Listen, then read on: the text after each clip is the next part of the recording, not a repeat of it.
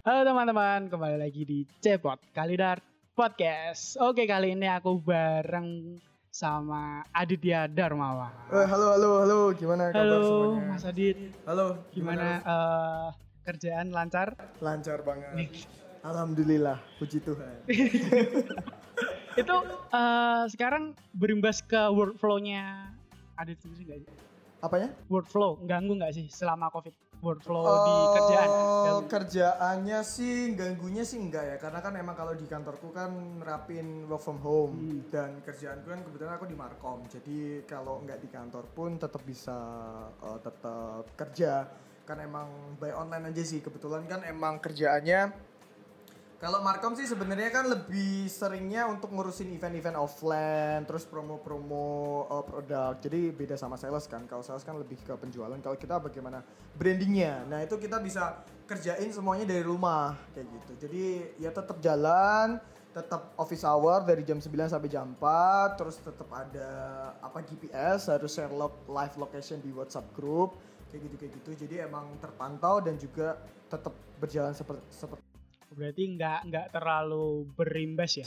Eh berimbasnya sih mungkin ke ke ke pribadi. ya ke pribadi. Bosen aja bro.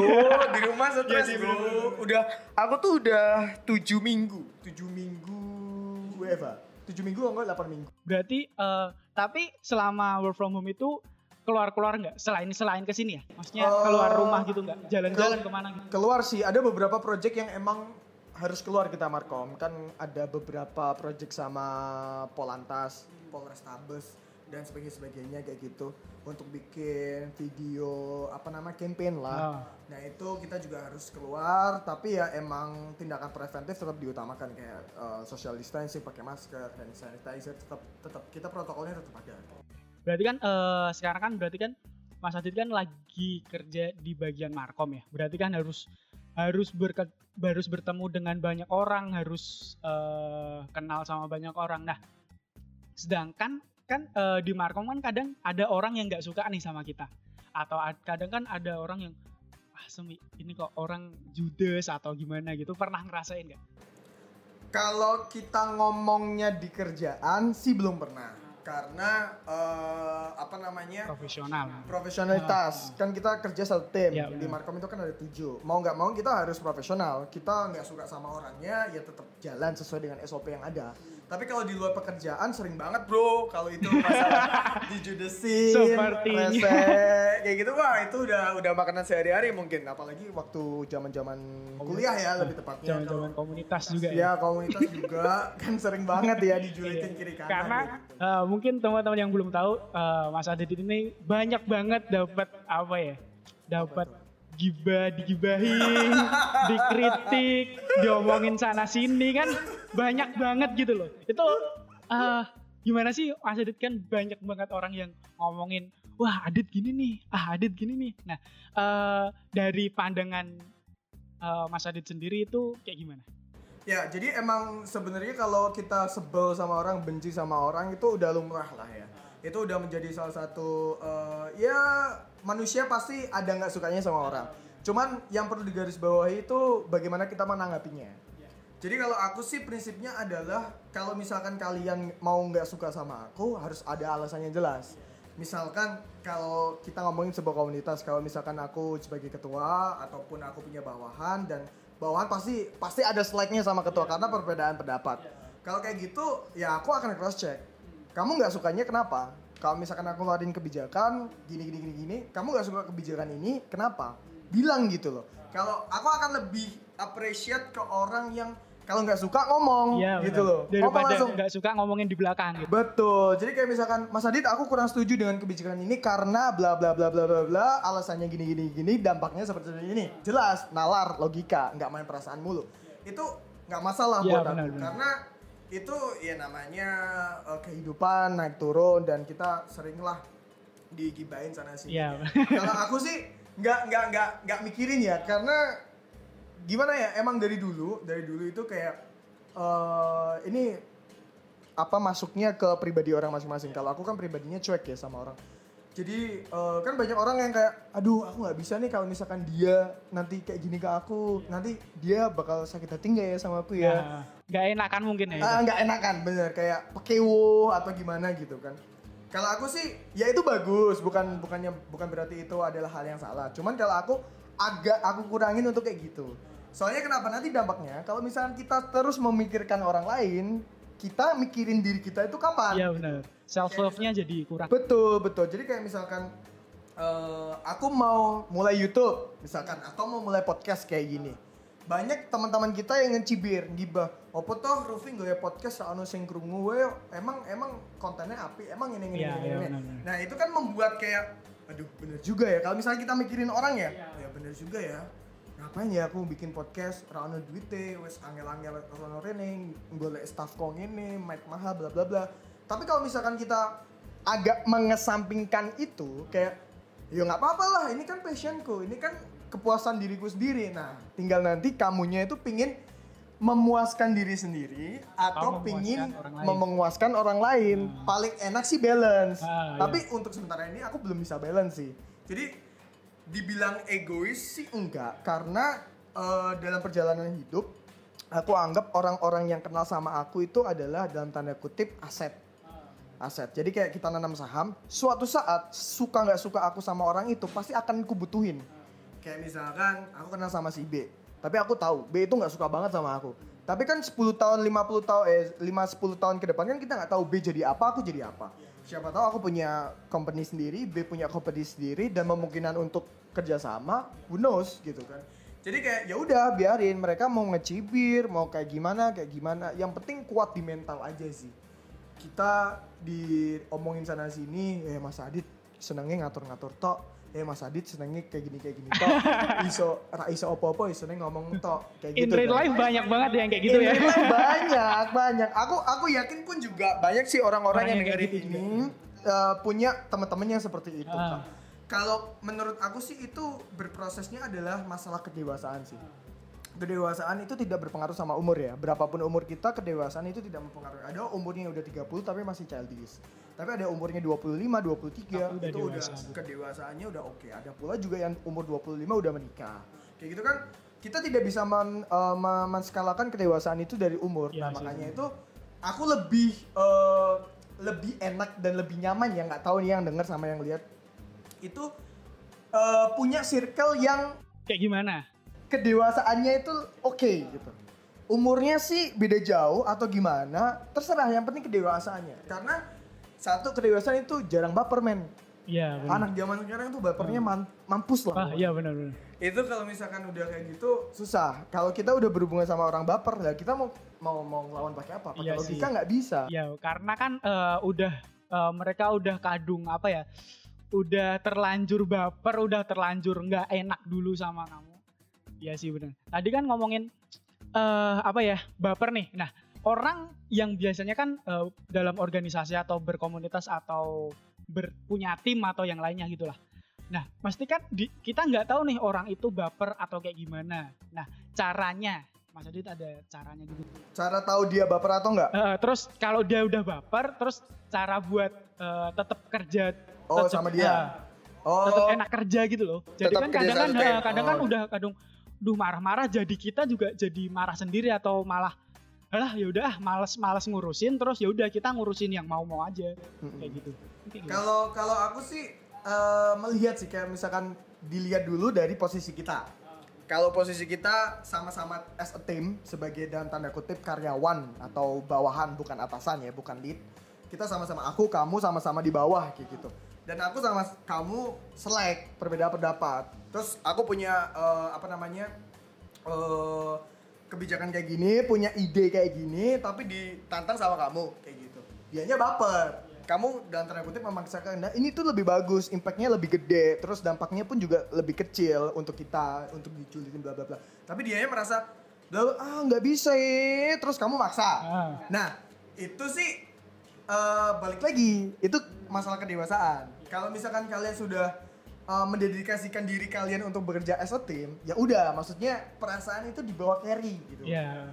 Soalnya gini bro, eh, peng- ya aku sih kerja kerja aku siaran lima tahun. Ah, benar. Terus ini di Markom udah satu tahun. Aku kerja udah dari SMA jadi host eh, co-host di Cakra TV.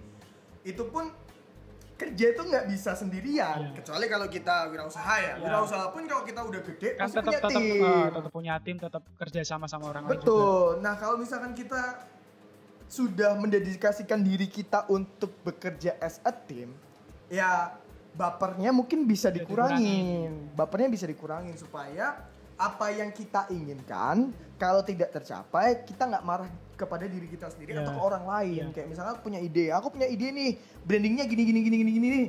Oh nggak bagus, yang ini lebih bagus. Nah, terus akunya "Ih, semi baper. Semi kok iso ya padahal menurutku nah Ah, menurutku lebih bagus loh. Nah, kan menurutku tidak menurut Bet- semuanya. Ah, benar. Itu emang emang permasalahan utama sih baper. Itu kalau misalkan kita sama-sama eh, as a team di bawahan ya. Kalau misalkan eh, aku atau kamu sebagai atasan leadnya adalah eh, bagaimana kita bisa mengetahui orang itu baper atau enggak? Ya kita lihat kinerjanya di, di dalam timnya itu.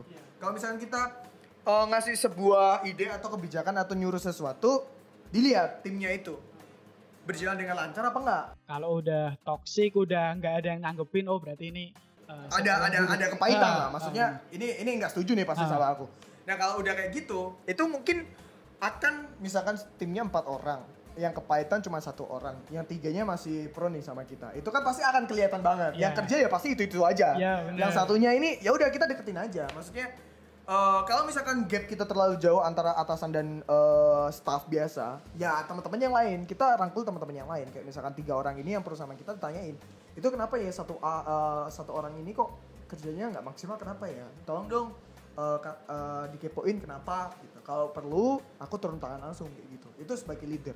Karena emang kalau leader kan harus bisa mengayomi semuanya. Ya benar kalau misalkan satu tim udah nggak udah nggak serak sama kita ya udah tim itu pasti akan nggak nggak- pasti nggak akan jalan.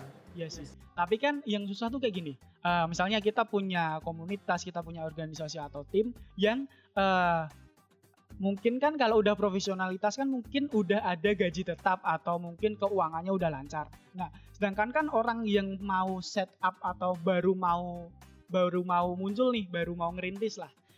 Otomatis kan uang juga belum belum tentu ada, terus eh, tiap bulan juga gaji juga belum tentu ada, apalagi komunitas kan udah udah udah pasti nggak ada duitnya. Nah itu kan kadang orang kalau udah misalnya udah kerja terus eh, kita push terus otomatis kan kadang ada bapernya. Kadang pun yang kita udah kenal lama sebagai tim dan dia udah terkenal baik aja bisa bisa jadi apa ya bisa jadi ba- berbalik kayak gitu loh.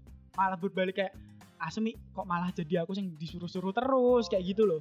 Malah malah jadi kayak gitu padahal itu tim. Nah itu sesuatu yang buruk juga soalnya aku lagi mengalami juga gitu loh kan eh, lagi set up tim lagi set up komunitas juga. Nah kadang kan orang yang terus-terusan disuruh kerja kan kayak kok aku terus sih kok aku terus sih? Padahal tuh enggak enggak cuman kamu gitu loh. Ada ada orang di balik itu yang kerja juga cuman enggak enggak apa ya nggak enggak kelihatan. enggak ngeliatin bener.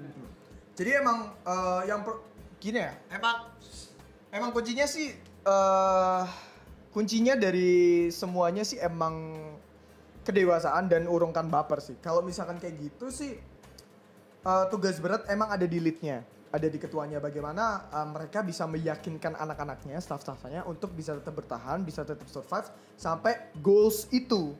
Nah goalsnya apa? Kalau kalau kalau misalkan eh, dari pengalaman yang aku ngelit eh, komunitas dari awal itu aku sudah kasih eh, capaiannya apa? Capaian tertingginya jadi kalau misalkan kita eh, mandu komunitas atau apa pun ini, goalsnya kayak gini loh teman-teman. Kalau misalkan kalian bla bla bla bla bla bla bla menuju ke sananya susah, ya susah. Panjang ya panjang. Bagaimana kita bisa bertahan? Ya treatmentnya setiap orang akan beda-beda. Kayak aku sebagai pemimpin, kamu sebagai pemimpin punya gaya kepemimpinan yang berbeda-beda. Yaitu bagaimana gaya kepemimpinan kita itu tuh eh, bertahan di anggota-anggota yang ada kayak gitu. Nah, masalahnya adalah kalau misalkan kita ngomongin soal duit dan bla bla bla kadang kan itu ada orang yang money oriented gitu betul. Nah, kayak gitu emang susah karena eh kita pun sebagai orang juga harus ya bullshit lah kalau misalkan orang kita temen nggak boleh pilih-pilih gitu-gitu. Itu kalau menurut aku bullshit. Cuman pilih-pilih di sini bukan pilih-pilih untuk ya aku ngegeng sama kamu, aku ngegeng sama dia, tapi nggak temenan sama dia. Terus kita kalau misalnya temenan sama satu geng yang tidak disukai sama sama satunya itu nanti bakal jadi musuhan itu enggak. Tapi kita pilih-pilih orangnya adalah ya kita deket aja sama orangnya. Terus kita kayak screening nih orangnya gimana. Terus karakternya seperti apa. Kita ajak kerja sama bisa atau enggak. Habis itu dia money oriented apa enggak. Terus habis itu skala bapernya seperti apa. Diajak kerja sama bisa enggak. Diajak survive bareng bisa atau enggak. Kalau misalkan sudah masuk ke kriteria masing-masing kita untuk membuat satu tim, ajak, rekrut aja. Terus kalau misalkan tidak tidak masuk, ya udah, jangan dimusuhin, tapi ya udah, Ya diemin udah. aja, Ah, benar udah sih. ya, ya udah Ah, gitu, ya udah. gitu. itu. Ya wes, ya wes, kita berteman, tapi ya udah, next time lah kita Ah, proyekan ah, gitu. Berarti eh, kadang tuh eh, ada temanku yang bilang kayak gini, teman kerja itu bedain sama teman main. Nah mungkin itu yang itu Betul. yang kata-kata yang pasti soalnya kan Betul, Eh, setuju banget. kemarin-kemarin juga apa ya? eh, kadang kan orang orang ada yang ngomong, wah kok baperan lo, kok baperan. Eh, bilang kayak gitu. Padahal orangnya sendiri pun emang nggak baperan sih tapi kemudian kayak Hmm, moodnya mood- tuh mood. mood swing banget gitu loh. Kadang nah itu kan juga ka- kayak eh, berpengaruh ke teamwork ke kerjaan juga. Itu kan juga apa ya satu yang toksik juga sih menurutku. Itu gimana sih eh, teman-teman di timnya Mas Adit sekarang tuh ada nggak sih yang kayak baperan sih? Enggak orangnya. Cuman tuh moodnya gitu loh moodnya yang Kalau swing mood gitu. swing itu pasti ada. Dan aku jujur pun aku sering banget mood swing di kerjaanku ya di kantor. Karena eh gimana ya? Eh apa ya? Eh pressure. Pressure kerjaan itu di setiap kantor, komunitas atau kegiatan apa pun itu beda-beda. Dan jujur, jujur aja di kantorku yang sekarang itu pressure-nya sangat besar. Tapi hasilnya pun besar. Jadi kayak eh, kerja keras tidak mengkhianati hasil. Tapi dalam prosesnya itu kan bagaimana kita bisa survive. Mood swing itu pasti ada. Nah gimana cara untuk eh, kita yang mood swing atau menanggapi orang yang mood swing itu ya balik lagi ke diri kita. Kan kita pernah mood swing ah benar kita tahu rasanya. Nah, bagaimana kan kita tahu bagaimana bisa kita uh, sorry Berimbas kita hilang. Ah. Kan kita tahu cara caranya. Iya. Aduh, aku lagi mood nih. Nah, kita kan punya mood booster sendiri Ah. kayak mainan kayak atau apa dengerin musik. Nah, begitu juga dengan orang yang kita hadepin. Kita tahu orang kita tuh lagi mood swing. Ya udah, kan kita pernah ngerasain. Ya udah maksudnya diemin aja. Maksudnya ya udah kayak misalkan eh, tadinya eh, ngasih kerjaan, eh ini tolong editing ini dong. Ah yaudah nanti ya. Habis itu besoknya kamu chat lagi. Eh udah selesai belum? Eh belum nih, aku lagi gini gini gini. Oh ya oke. Besoknya lagi. Eh dua hari lagi udah deadline. Oh ya nanti bakal aku kirim. Nah ini kan udah ada tanda-tanda nih kalau dia belum ada progres, belum ada laporan apa pun. Minimal kalau misalkan SOP di komunitasmu adalah ngasih apa namanya progres kayak ini udah aku edit nih kurang grading nih misalkan atau ini kurang audionya kurang aku masukin pasti ada report kalau misalkan nggak ada report kan udah ada gejala-gejala nah itu bagaimana kita bisa oh yaudah ini orang ini mood swing nah kita berpikir bagaimana kita bisa eh, nge-backup orang ini kayak gitu supaya kerjaan tetap lancar dan juga eh, mood swingnya dia tidak kita ganggu. Kalau komunitas emang agak susah karena kita tidak punya basic eh, tanggung jawab. Apa? Kita tanggung jawab sama siapa gitu? Kayak misal kalau komunitasnya berduit Oke. ya kamu boleh nuntut karena kamu dibayar. Iya. kayak aku di kantor ya aku dituntut karena aku dibayar. Jadi aku harus bisa menahan mood swingku sendiri karena aku bekerja untuk dapat duit. Dan itu ada tanggung jawabnya gede. Nah kalau komunitas emang agak susah.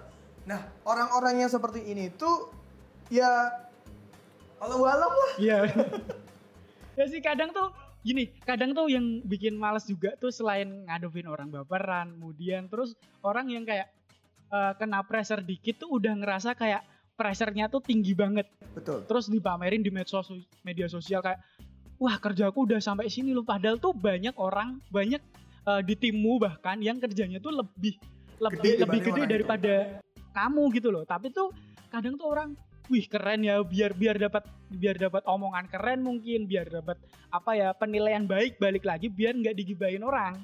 Kan gitu kan. Karena kadang tuh ada orang yang takut banget dinilai orang tuh jelek. Padahal oh dia banyak. dia ngelakuin hal yang bener gitu loh. Betul betul. Nah itu yang yang susah juga buat eh, kita tuh misalnya eh, jadi seorang lead tapi kita nggak enakan sama orang.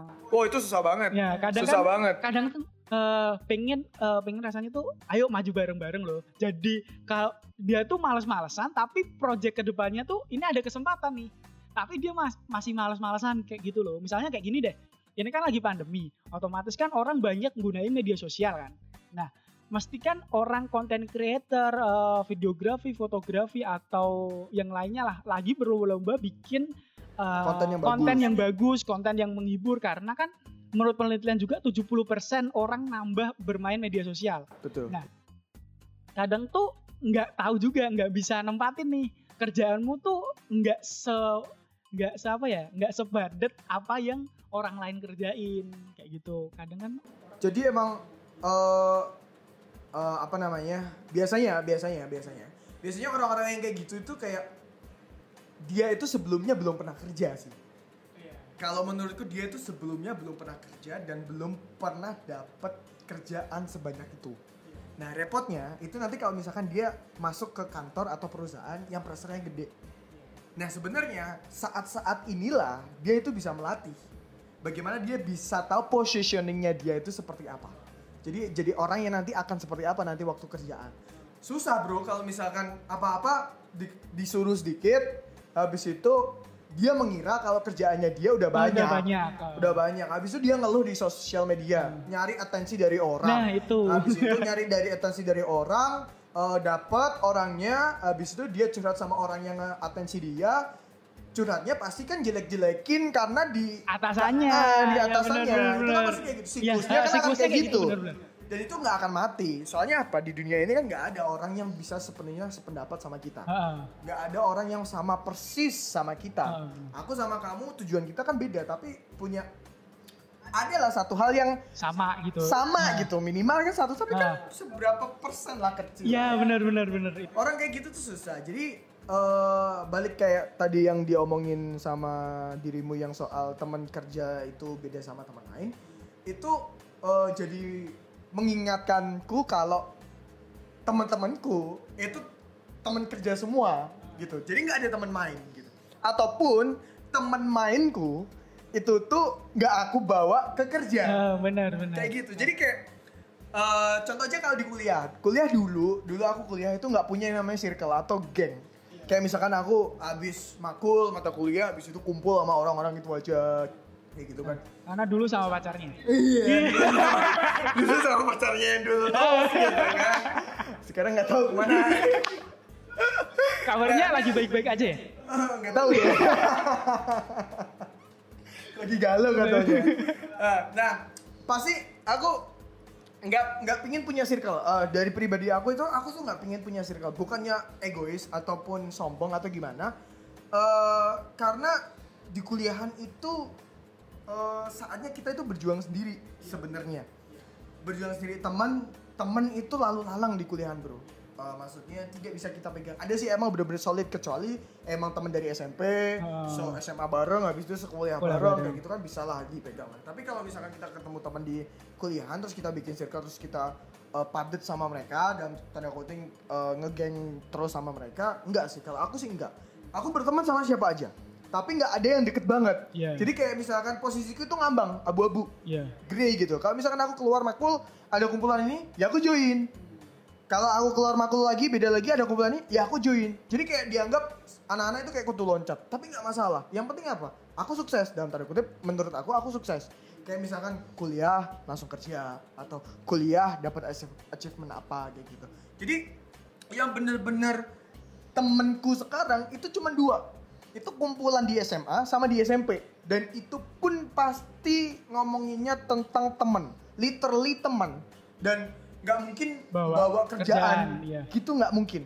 Karena emang kita nyamannya itu ya di circle itu kita ngomongin happy happy, have fun, goblok goblokan, mabuk atau gimana lah, atau main bareng, nonton bareng atau gimana, pergi traveling kayak gitu kayak gitu. Nggak ada satupun orang-orang ya circle kan udah pada kerja semua, udah pada lulus semua. Nggak ada satupun yang bawa kerjaannya ke circle itu. Jadi kayak ya this is uh, my quality time gitu loh. Iya. Kalau udah udah kita ya udah kita Iya. goblok bareng, udah nggak ngurusin yang lain lagi. Iya sih karena biasanya kalau teman apa ya teman yang ikut kerja misalnya teman yang setim atau teman yang sekomunitas biasanya kalau udah udah yang bener yang dikatain tadi tadi sih kayak orang yang nggak suka mesti akan cari orang lain juga yang sama-sama ngerasain hal yang sama Betul. terus jadi kayak gabung ngegibahin satu orang karena nggak suka sama cara ngelitnya dia mungkin cara apa ya cara ngomongnya mungkin tapi kan eh tapi tuh dia nggak cerita nggak introspeksi atasannya Kesalahannya. kesalahannya dia sendiri dan kesalahan atasannya karena kan eh menurutku ya menurutku eh, tim ngetim yang bagus itu ya sama-sama ngomong. Misalnya eh Mas Adit kerja jelek nih. Eh, biasa aku kan tipikal udah deh ngomongin komunitas dulu deh. Nah dulu kan Mas Adit kan eh, leadku ya aku sebagai bawahan. Nah itu kan kayak aku dapat banyak dapat banget banyak omongan nih tentang Kiri kanan. tentang kiri kanan soal wah Mas Adit kayak gimana? Kok gini sih? Kok gini sih?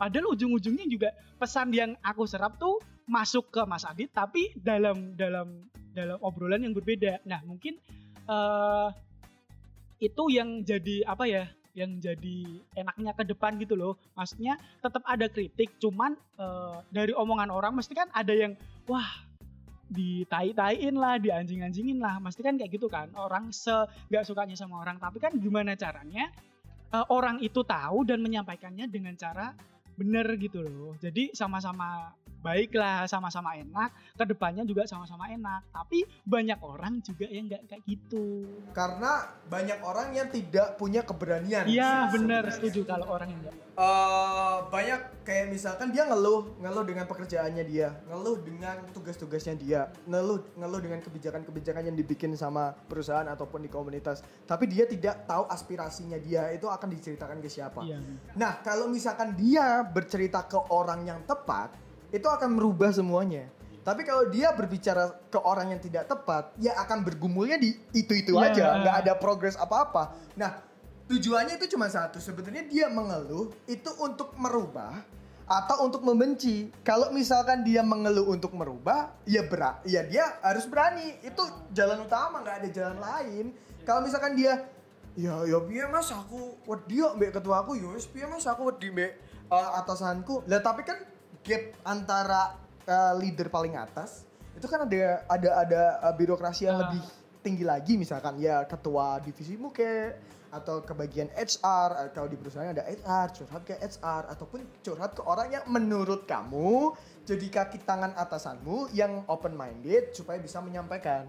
Nah kalau sudah disampaikan habis itu kan balik itu eh, orang dari leadnya. Leadnya ada tipe orang yang bodoh amat sama yang oh iya ya berarti aku harus berubah nih supaya eh, anggotanya bisa nyaman bla bla bla. Nah itu nanti diserahkan lagi ke leadmu. Kalau misalkan leadmu nggak berubah dan kamu tetap masih bisa bertahan berarti ka- kamu keren karena kamu akan melatih eh, daya juangmu di sana. Oh aku jadi nanti ntar waktu kerja nggak kaget. Oh biar aku tahu kerja atasan gua tel ngono. Oh atasan rak mutu ngono. Jadi udah terbiasa wis santuy aja. Yang penting kan kalau di komunitas nggak ada nggak ada bayarannya. Kalau di kerjaan ada bayarannya. Kayak gitu tinggal bagaimana kita menyikapinya. Sebenarnya jadi orang tuh harus cerdik sih. Harus cerdik sih. Cerdas itu nggak cukup tapi harus cerdik. Kalau cerdas kan kita pintar dalam sebuah Satu eh, bidang atau eh, satu bidang, hal. tapi yang berbau dengan eh, apa namanya pengetahuan. Tapi kalau cerdik kan berdasarkan pengalaman. Iya, memanfaatkan kesempatan Betul. Nah kalau misalkan kita nggak, kita cerdas saja nggak cukup kalau kalau nggak cerdik. Orang-orang cerdas itu pasti setim sama orang yang cerdik. Karena kita nyiptain kayak misalkan apalah Bill Gates nyiptain ini, blang nggak bakal bisa jalan kalau nggak ada tim branding atau apa gitu. Misalkan Tho- Thomas Alva Edison, dia menemukan lampu.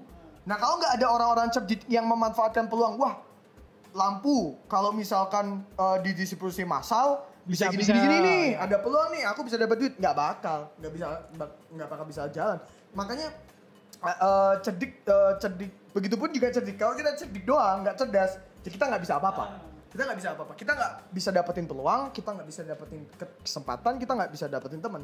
Kita cerdik ya jelek-jelek jelek-jeleknya sih kalau cerdik ya kita bohong malah jadi ke hal-hal yang bad things gitu. Kalau misalkan kita udah tahu prospek habis itu kita udah tahu eh, menanggapi orang seperti apa eh, sudah tahu bagaimana flow kerjanya ya orang-orang oh ini orangnya kayak gini nih orangnya kayak gini nih aku punya peluang kayak gini.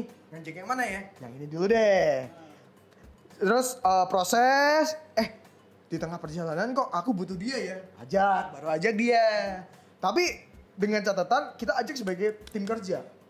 Hmm, ya sih kadang tuh gini, eh, kalau aku ya, ka- aku kan tipikal orang yang gini, eh, aku punya tim, aku ngelihat berdasarkan orang itu eh kerjanya oke apa enggak. menilainya gimana tuh? Misalnya kayak gini, eh editannya bagus, ya udah eh, orang itu tak ambil ya buat ngedit doang. Terus misalnya ada yang fotonya bagus, ya udah orang itu eh, aku ambil buat eh, foto doang. Tapi eh di situ adalah bumerang buat aku. Eh, bumerangnya adalah jadi eh, aku tuh nggak tahu orang itu bakal kayak gimana. Nggak gimananya tuh kayak perasaannya dia gimana. Terus eh, ngetimnya cara ngetimnya dia kayak gimana. Soalnya eh, banyak juga yang pas aku masukin ke tim jadi jadi malah jadi toksik ya eh, malah jadi berubah gitu kok. Eh, setiap lang, eh, setiap eh, ngelempar as- apa obrolan ide di grup kok nggak ada yang nanggepin nih kok. Kok udah mulai kok udah mulai apa namanya kok udah mulai diem diem lagi lah. Kan eh sebagai tim kan gimana caranya kita adu adu ide lah. Adu ide misalnya aku ada ide ini. Terus Mas Adit ada ide ini. Jadi kan eh dua ide itu gimana bagusnya gimana kolaborasinya kan. Nah kadang tuh ya, mu- eh, ya ini salahku juga karena aku nggak tahu eh, gimana caranya merlakuin eh, anggota Orang-orang tersebut. orang-orang tersebut. Karena mungkin dia mood swing mungkin dia baperan mungkin dia ngomong ah baperan kok cacilik padahal orangnya itu sendiri juga baperan gitu loh. Nah itu juga yang menurutku apa ya jadi satu hal yang susah buat eh, kerja tim karena itu juga bakal nanti berimbas ke belakang-belakangnya. Belakang-belakangnya tuh jadi ngerasain orang apa ya ngegibahin orang itu, ngegibahin, wah Rofi gini nih. Ah Mas Adit gini nih, Pa- pasti dia cari eh, Orang-orang orang yang, yang- senasib ah, senasib. Biasanya gitu sih, itu yang bikin malas kadang orang kamu tuh sebel sama orang tapi kamu nggak bilang ke orang itu tapi malah eh, sama-sama ngejelekin kejelekan orang itu ke orang yang senasib. ya eh, itu nggak akan mati sih Ruf. Maksudnya hal itu tuh nggak akan mati. Yang bisa yang bisa ngestop itu tuh ya orang yang gibahin kamu atau dari kamunya. Makanya kan beberapa ah, ya makanya itu cerdik itu butuh kalau aku sih melihat kalau misalkan kalau aku punya tim eh, punya tim dan aku melihat tim ini sudah nggak produktif nih eh, aku akan pasti berjuang dulu untuk mereka ya kita akan capek, kita akan ngeluarin budget banget, banyak effortnya, bla bla bla. Udah, itu udah pasti karena kita lead di situ. Eh, udah suatu kewajiban ketua untuk ngayomi mereka anak-anakan. Tapi kalau misalkan kita sudah berkorban, tapi mereka tetap tidak ada progres, tinggalin aja. Maksudnya eh, kita tinggalin dengan alasan yang jelas. Dan kita juga harus atur strategi kalau misalkan kita tinggalin itu dampak positifnya apa, dampak negatifnya apa. Dampak positifnya itu nanti akan eh, baik untuk ke depan berapa lama dan dampak negatifnya bakal kita counter itu pakai apa. Kita harus plan.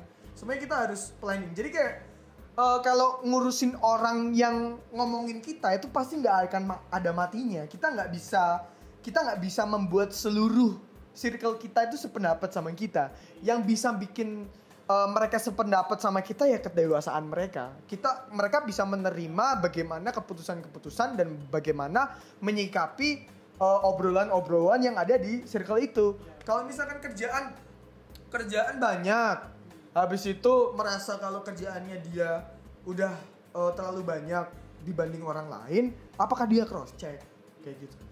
Kan dia merasa merasa merasa Iya. merasa doang. Maksudnya Merasa bener. apa yang dirasain sama kamu for your information aja itu juga dikeluhkan loh sama orang lain. Iya. Cuman dia nggak seperti kamu Iya gitu kan. benar benar benar. Kan itu kan bagaimana Itu, kita itu. menyikapi Iya. keluh kesah kita. Kan orang-orang ada yang ya kalau wis sebel ya wis meneng tok, Ah, lekaran, yang kasur, apa turu wae. Ada juga yang diumbar ke sosmed atau curhat ke uh, circle-nya mereka. Ya kita nggak akan bisa ngentiin itu. Ya bagaimana kita bisa cerdik deh. Udah cerdik cerdik itu utama sih. Makanya bertahan bertahan di gibahan orang itu, wow itu susah itu banget. sangat susah ya. Nah, Sangat susah. eh, mungkin ini terakhir ya buat Mas Adit.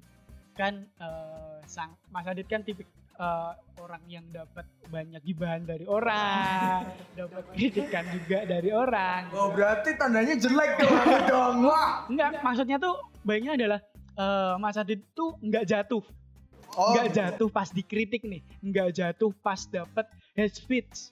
Kayak omongan jelek tentang Mas Adit tuh ya udah Mas Adit tetap eh ya Mas Adit berdiri seperti Mas Adit seperti biasa gitu loh, kayak nggak ada beban, kayak nggak ada apa pun. Nah itu mungkin eh, gimana sih caranya biar teman-teman tuh kayak eh, mungkin mereka juga merasain eh, hal yang sama gitu?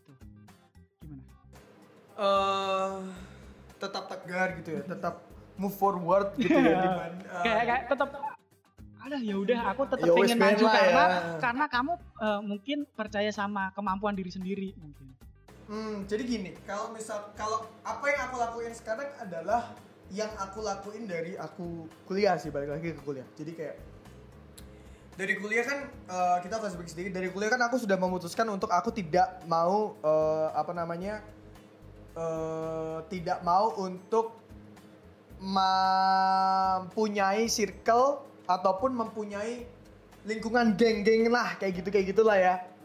Nah, kan ada dampaknya. Aku sendirian gitu kan. Terus gak ada yang bantuin, gak misalkan ada tugas, susah cari kelompok kayak gitu kayak gitu. Nah aku bangun di situ. Bagaimana aku tuh bisa melatih diriku sendiri untuk survive dalam tanda kutip sendirian? Dan akhirnya lulus tepat waktu men saya gitu. Dengan IPK yang nyaris kumlot gitu. 348 kurang 0,02 Eh, dengan seorang Aditya Darmawan yang eh, yang ya, begitulah ya. kuliah ya gitu-gitu aja bro. Nggak tahu. Ilmu perkuliahan yang aku nyantol paling cuma public speaking doang. Iya, Nyambung- di radio kan. nyambung di radio sama pekerjaan sekarang kan Eh, jadi kan ya aku latih. Jadi eh, semua butuh proses sih. Proses itu penting latihan. La- latihannya di mana? Aku udah mendedikasikan diriku udah dari kuliah dan kuliah aku 4 tahun. 4 tahun itu waktu yang sangat cukup. Jadi kalau misalkan ada orang yang kayak bilang alah Mas Adit ki kerja terus. Alah Mas Adit apa tuh alah Mas Adit ki kok ngene. Kok nesu-nesu tok omong tok. Aku cuma dalam mikir ya wis gue ki ngopo saiki? Ya. kamu ngapain saiki? Ngono iki aku kerja tuh duit lah kowe ngopo gibah gitu. kamu gibah doang apa gitu? Kecuali kalau yang gibah atau yang eh, head speech ke aku itu orang yang udah sukses gitu kayak ya ya oke lah mapan dan sebagainya sama-sama kerja. Tapi orang-orang yang gibah itu kayak eh Ya. cek kuliah kuliah ya urung ber kerja WC golek. Udah kan kayak ya kamu sombong ya emang sombong. Lah gimana? Aku udah dapat kerja kamu masih ya nungguin kartu prakerja apa pi? Nunggu bantuan pemerintah. Ya enggak lah maksudnya kayak kedewasaan itu penting sih. Jadi kita tuh kayak aku tetap bisa bertahan kayak gini ya karena aku udah terlatih sih Ruf. Eh, terla- eh, bagaimana kita bisa melatih diri sendiri itu nemuin patternnya. Kalau misalkan aku ngasih tahu di sini sesuai dengan apa yang aku lakuin itu 100% pasti akan tidak masuk di banyak orang. Karena kan pribadiku sama pribadi orang lain juga banyak. Tapi yang paling penting adalah kuncinya sih kedewasaan sih. Dan eh, baper kurang-kurangin lah. Baper itu emang itu musuh dari semuanya. Aku aku aku pernah baper kok. Aku tahu ngerasain baper itu kayak gimana nggak cuma masalah cinta tapi di masalah pekerjaan pun sakit juga hati sering. mungkin ya. Sakit hati dan sebagainya sebagainya. Terus mood swing juga pernah. Tapi eh, bagaimana kita bisa menanggapinya itu? Ka- ka- kalau kalau kalau kalau misalkan kamu memikirkan apa yang diomongin orang terus kita akan stuck. Kita akan nggak akan jalan ke depan. Kayak misalkan kita kayak tadi aku ngomong aku pengen jadi youtuber aku udah beli bla bla bla bla bla upload satu video dicibir kiri kanan. Wih. bikin kita down. Lah suy aku wis tuku kamera larang-larang dicibir terus aku nak nggak gue Iya, Ngono kan? iya. nah itu kan akan useless banget. Duitnya kan emang-emang ya udah maksudnya kalau kamu mikirin itu itu itu itu terus kamu nggak akan maju. Nah bagaimana kita bisa maju? Cuek aja bro. Tapi cuek jangan ada nenek-nenek jatuh terus gue cuek. Gitu jangan. Kayak misalkan ya yang jelek-jelek cuekin aja cuekin aja kayak misalkan kita lihat yang ngecek kita siapa sih oh, orang ini oh ya wes we nganggur we ngopo Terus kamu ya coba kayak gini, oh iya dia harus dua startup. Ya wes, berarti kan kita bisa kita digibain sama orang yang dalam tanda kutip lebih sukses sama kita kan bisa jadi trigger kita. Nah, untuk Wih, nyamain. Heeh, bener. Wih, tapi kerjaannya ya wes. Terus aku introspeksi. Oh, ternyata aku kurang kayak gini, kurang giat, bla bla bla. Tapi kalau yang gibain orang-orang aja kroco-kroco, percil-percil, ya kayak gitu. Banyak pasti kita Ya, ya, digibain ya. orang, nggak mungkin enggak kayak gitu. Jadi life forward aja uh, tetap pegang sama prinsip kita. Kalau kalau kalau aku sih punya prinsip yang dari dulu sampai sekarang aku pegang teguh itu adalah cerdik seperti ular, tulus seperti merpati. Kui wes ket bien banget karena cerdik seperti ular doang akan jadi bad things. Ya. Tapi kalau tulus seperti merpati doang akan dihapusi akeh wong. Ya, betul. Jadi harus Betul, balance. betul. Cerdik seperti ular. Ular kan yo es Iya. cerdik banget ya dalam agama apa pun kan ular melambangkan hal yang bad things. Tapi kan tulus seperti merpati, merpati suci putih. Jadi ya itu. Jadi kita harus bener-bener balance dan semuanya balik lagi ke diri kita deh. Kita kalau ngurusin orang tuh nggak ada matinya bro. Sih. kita malah nggak bisa gerak apa-apa bro. Sumpah. Sumpah. Intinya adalah eh, apa ya? Eh, tetap ngelakuin apa yang ingin kita lakuin, jangan tergan, jangan terlalu bergantung sama orang, jangan jangan terlalu apa ya, jangan terlalu mikirin orang itu ngomongin apa ke kita. Kalau bisa kita introspeksi ya udah kita introspeksi. Ya, jadi masukan. Eh, jadi kalau udah terlalu jelek ya udah biarin dan biasain kita jangan jatuh lah, usahain kita jangan jatuh kan. Aduh, udah. Terima kasih Mas Adit. Mantap. Udah, Ini udah lama banget nih. Berapa menit? Gua nggak tahu. Udah tiga jam. Udah, udah, udah, udah subuh.